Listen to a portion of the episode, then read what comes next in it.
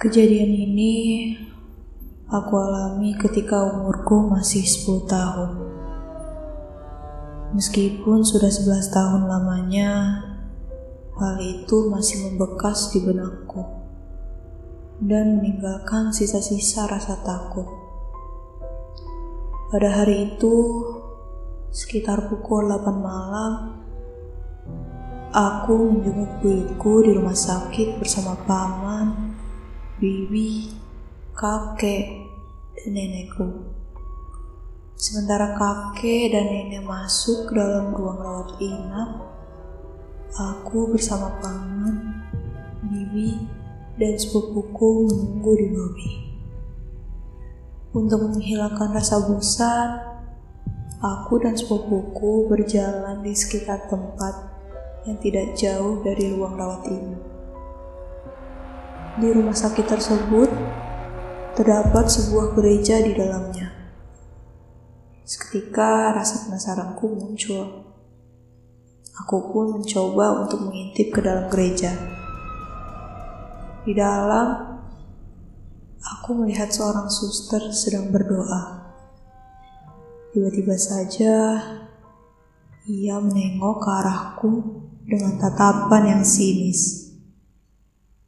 Merasa terganggu dengan tatapannya, akhirnya aku memutuskan kembali ke lobi. Selama beberapa menit, sepupuku ingin pergi ke toilet.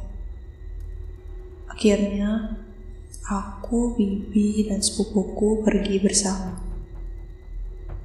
Toilet tersebut memiliki tiga bilik kloset. Ketika kami masuk ke toilet, toilet tersebut dalam keadaan gelap. Lalu, aku berusaha mencari saklar lampu. Namun tiba-tiba saja terdengar suara flash dari salah satu bilik kloset. Dalam benakku, kalaupun ada orang yang masuk lebih dulu daripada kami, kenapa lampunya tidak dinyalakan terlebih dahulu? Aku merasa gugup setelah memikirkan hal itu. Dengan sedikit rasa takut yang muncul, Aku masih mencoba untuk menemukan letak saklar lampunya. Lalu, kami mendengar suara pintu bilik kloset digebrak dengan begitu keras. Mendengar hal itu, kami pun langsung berlari keluar. Tidak jauh dari toilet, kami melihat seorang OB yang biasa membersihkan toilet itu. Kemudian bibiku menceritakan kepadanya apa yang baru saja kami alami. Lalu kami berempat pun masuk.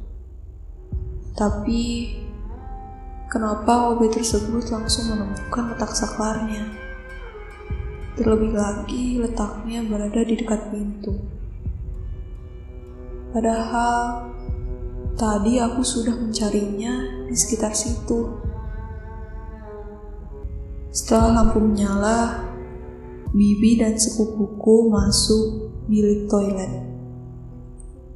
Menyisakan satu bilik kosong di pojok. Aku pun menunggu di depan wastafel sendirian. Tiba-tiba saja, suster yang tadi kulihat di gereja datang dengan memakai kalung salib yang terbalik ia memasuki bilik toilet yang berada di paling ujung. Aku diam saja, mematung karena rasa takutku.